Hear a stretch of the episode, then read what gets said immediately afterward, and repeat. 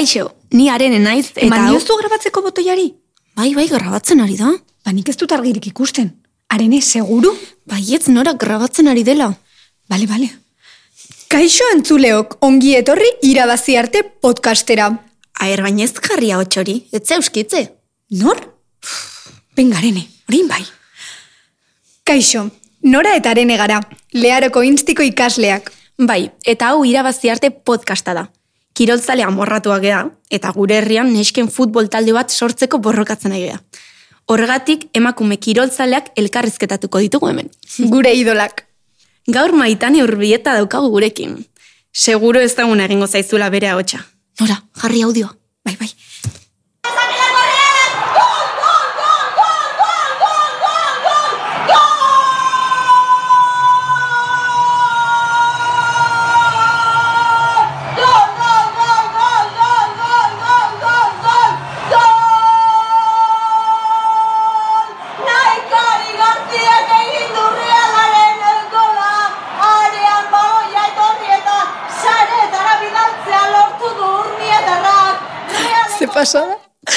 Maitane urbieta Euskadi irratiko kirol esataria da.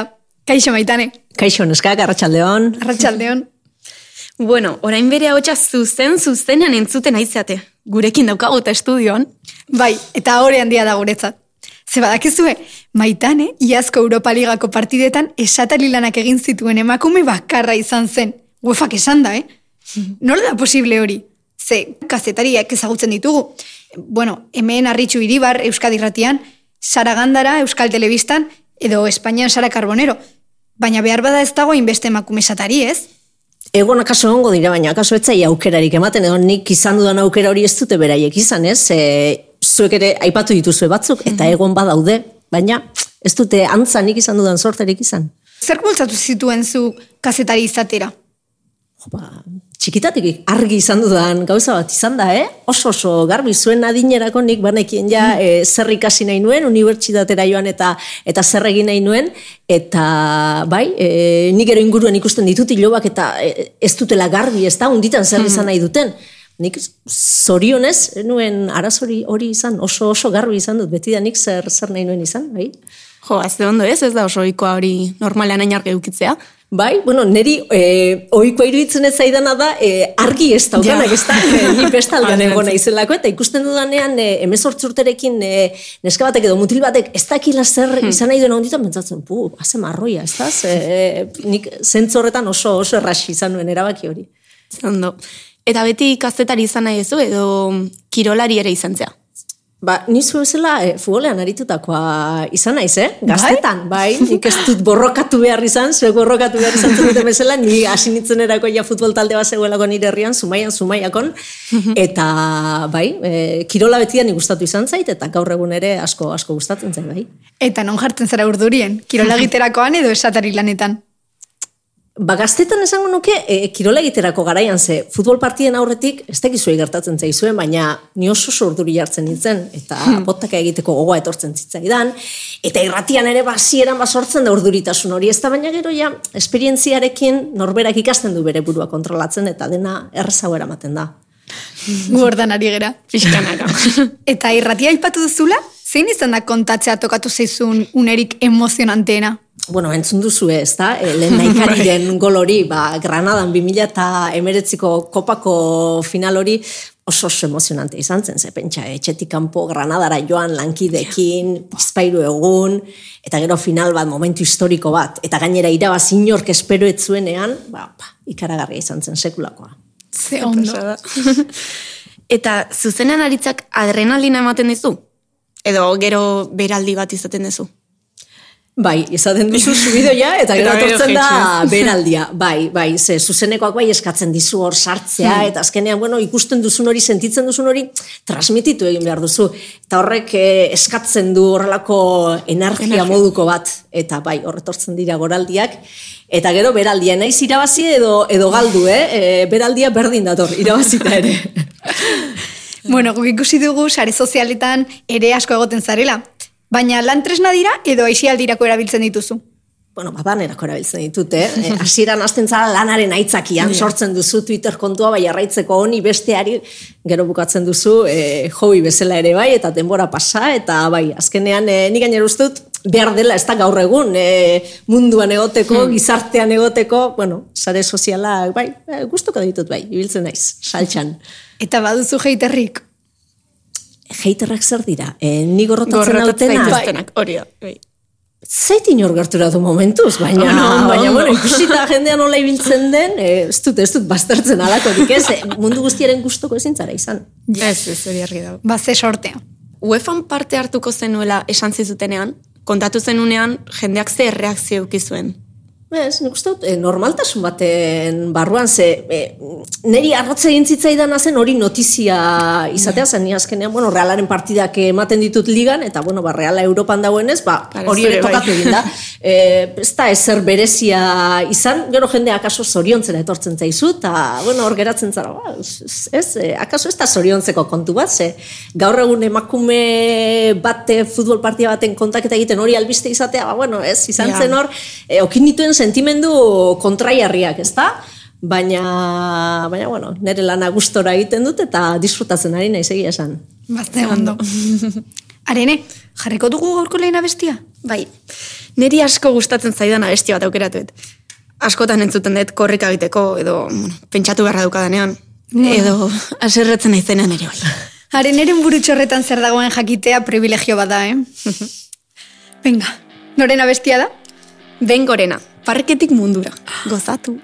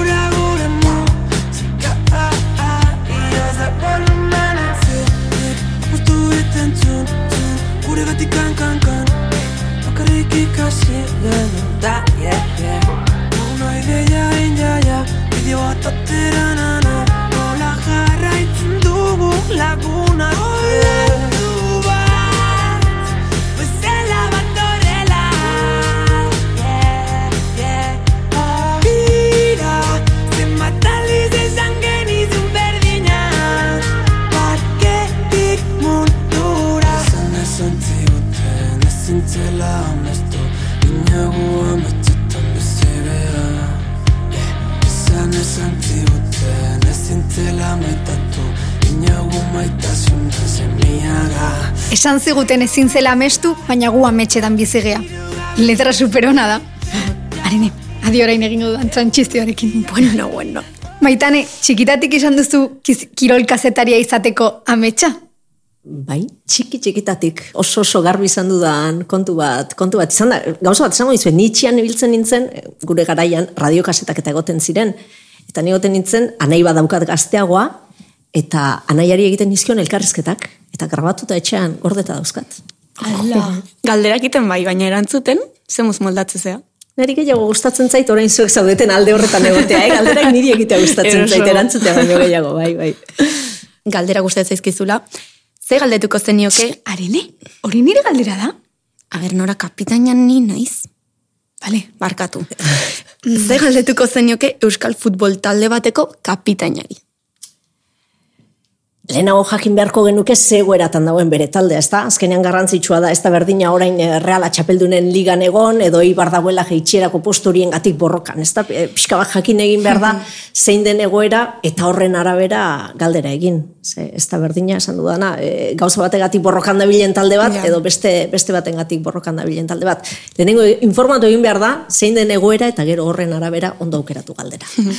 Orduan lan handia daukazu, ez, lehenago? Elkarrizketakin aurretik informazio pila jaso behar dezu. Bueno, prestatu egin behar da, azkenean gure lana da, eta orduan egunerokotasun horretan sartuta zaude informazio asko ja badakizu, Badaukazu. badaukazu. Eh? Baina gero aprobetsatu behar dituzu elkarrizketa horiek, ez da gizun hori jakiteko, orduan hor ibili behar da, tiraka, batzuekin beste batzuekin baino gehiago.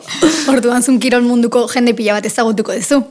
Bai, bai, guk askotan ezagutzen ditugu, ez gu orain gauden bezala aurrez aurre, askotan telefonoz egiten ditugu guk eh, irratiz elkarrizketak, eta horrela esaten dizuet askoz ere ederragoa dela, eh? Bai, errezagoa da filina lortzea, konfiantza lortzea, telefonoz hotzagoa da dena. Ba, bide batez eskerrik asko etortzeagatik. Bai. Zuei, konbidatzeagatik. Ikusi dugu gainera beste podcast batzuetan ibilizarela. Zein izango litzateke aholku bat kirol elkarrizketa on bat egiteko? informatzea aurrez pikin bat parean daukazuen horren inguruko e, datu batzuk edukitzea. Eta gero ja jakin nahi duzuen hori galdetzea.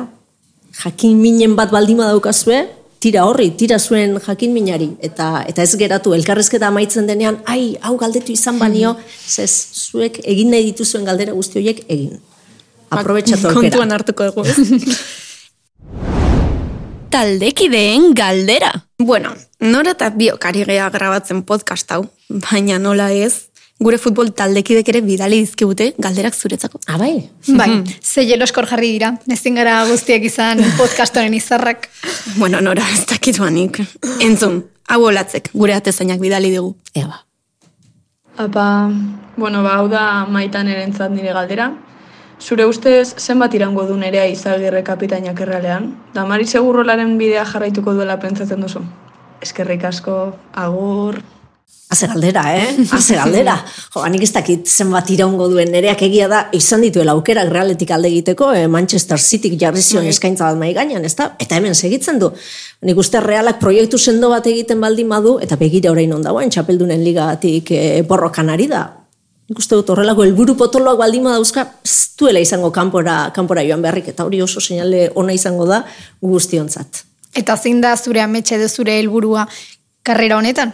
Ba, kontatu dut, realeko neskeen titulo bat, hori kontatuta daukat, eta orain, mutilen titulo bat kontatu nahiko nuke.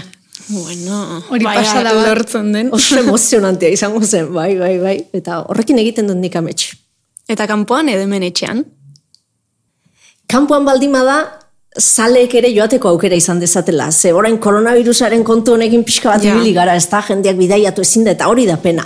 Baina etxean baldima da egia da, jende gehiago kakaso gozatzeko aukera izango duela, eta, eta bai, gauzak zaleekin eta jendearekin, Berotasun eh, gehiago. elkarrekin, berotasun horrekin, ederragoa, ederragoa izaten da. Norberak gehiago sentitzen du eta gehiago transmititzen da.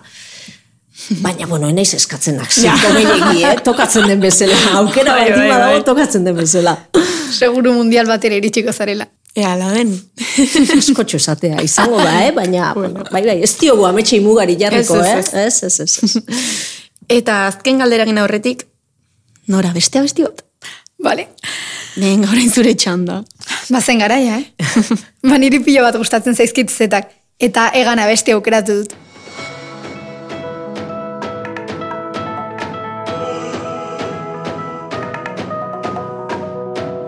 Izan ginen desastre bat Iparrik gabeko mapazar bat Zunigan tanizugan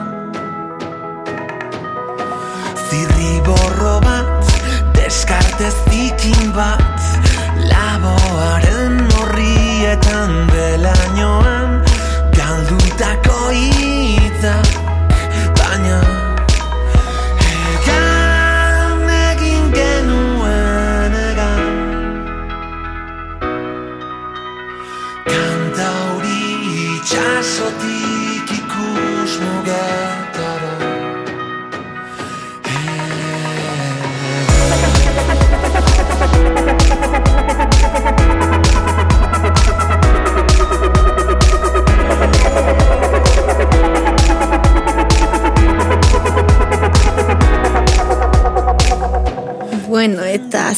galderagin aurretik, gustateko litzaizuke zerbait kontatzea, edo guri aholkuren bat eman, edo...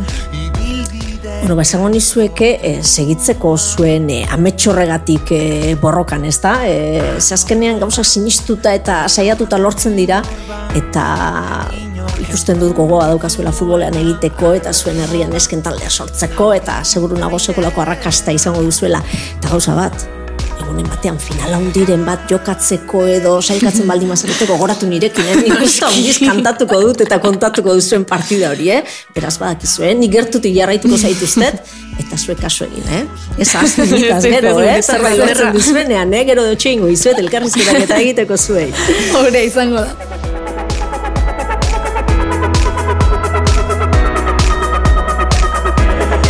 Bueno, ba, nik uste ja azken galderako ordua iritsi dela. Ja? Ze azkar pasatu denez? Bai, jende jatorrakin azkar pasatzea denbora, eh? Zan pelota dene. Bueno, ba, begira, gonbidatu guztiei egingo diegu galdera hau. Nora, zuk egin nahi? Vale. Maitane, ze aholku emango zenioke zure buruari ama bosturte zenitu. Ba, bueno, ba, pixka bat zuei esan dizuedan eh, hori esango nioke, eh? e, nahi duzun horregatik e, borrokatu, saiatu, heldu bide horri. Garbi izan da edo ez izan da, nahi baldin badaukazu eta ametsak baldin badituzu borrokatu ametsengatik, ze ametsak egi bihurtzeko izaten dira. Eta eta ale egintzen bazara eta sinisten baduzu dena errazagoa izaten da. Beraz, e, maitaneri, ama osturterekin, horixe, horixe esango nioke. Jotake, irabazia. Kriston aholkua da. Bai, bai. Ba, bueno, hau izan dezu gure podcasta. Plazterra izan da maitane, mi esker, aholkoen gatik, hemen egoteagatik, eta asko. Zuei, e, sorte hon, e, ea, urrengo gonbidatuekin zer moduz moldatzen zarete, nik gertutik jarraituko zaituztet, eh? Ostiral gauetan. Zure, bai. Eta bueno, presta zaitezte entzuleok, ze datorren astean ere atal potente bat izango dugu. Badakizue, Nora, urrengo... ez ez zer aurreratu, ikusiko dute. Edo, bueno, beto esan da, entzungo dute. Ba, badakizue, ez galdu datorren astekoa. Eta eskerrik asko entzuteagatik. Agor lagunok. Aio!